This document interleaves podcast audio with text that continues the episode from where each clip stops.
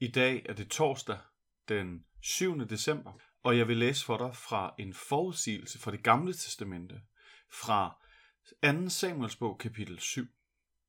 Nu forkynder Herren for dig.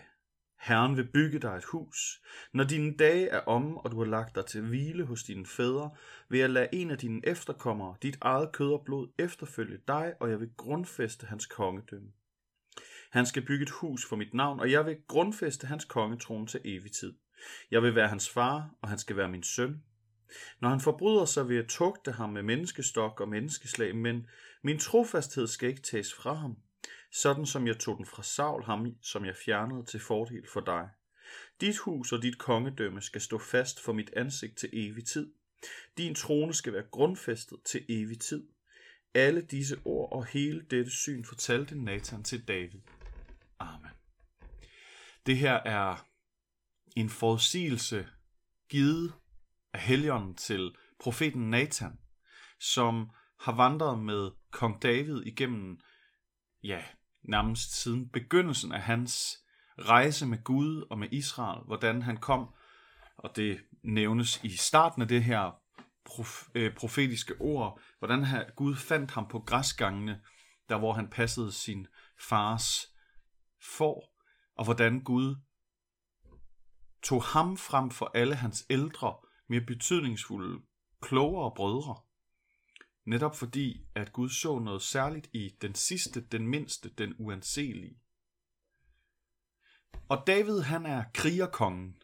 Det er ham, der sørger for at oprette og styrke Israel. Han bygger en stærk stat. Han overvinder fjenderne, som angriber dem. Med Guds hjælp sørger han for det. Samtidig er han også konfliktkongen. Der er altid konflikter. I hele kong Davids tid er der konflikter.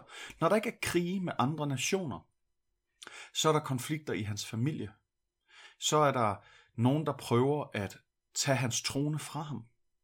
Det kan være Sauls efterkommere, det kan være herrefører, det kan være hans egne sønner. David han er konfliktkongen, og når man har levet som ham formentlig med Guds store gerninger, men også med konstant at være i krig og konflikt, og man er på vej over i den ældre ende af livet, han er på vej til at blive gammel, så er det betydningsfuldt for ham at høre, hvad skal det så blive til?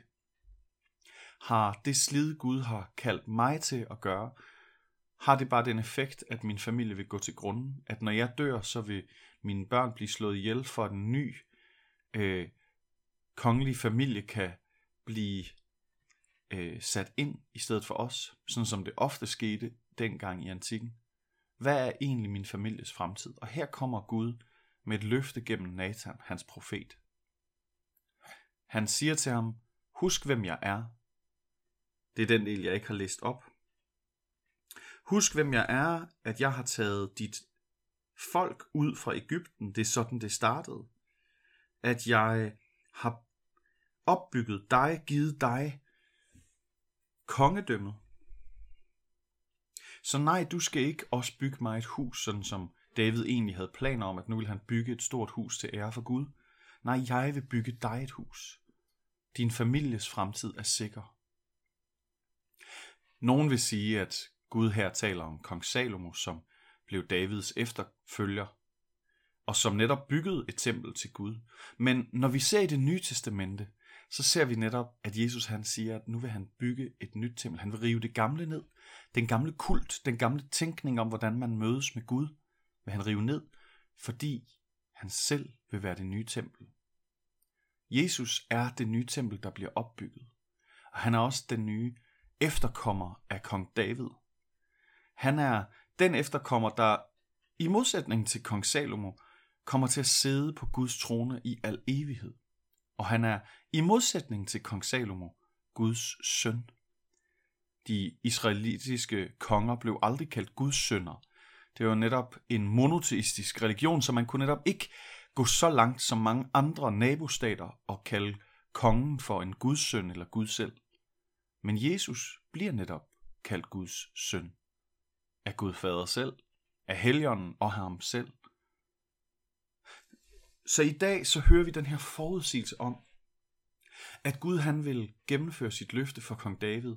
Han vil sørge for, at kong Davids trone, den vil bestå.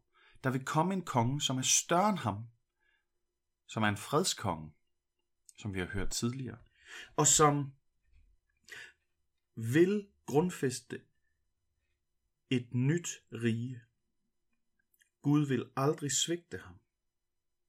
Gud vil give ham et evigt fredsrige. Det er fra krigerkonge til en stabil tilværelse under en stabil konges herredømme. Her i juletiden, midt i al den travlhed, der er, midt i alle de ting, vi læser og hører om, som kan true freden, så lad det være ord til os i dag. Gud, han sender en konge. Jesus blev netop den konge, som skulle komme med fred. Den konge, som skulle følge efter kong David.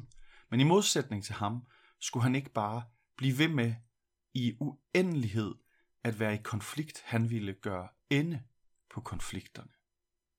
Kongen, der ender alle konflikter. Det er forudsigelsen om Jesus. Amen.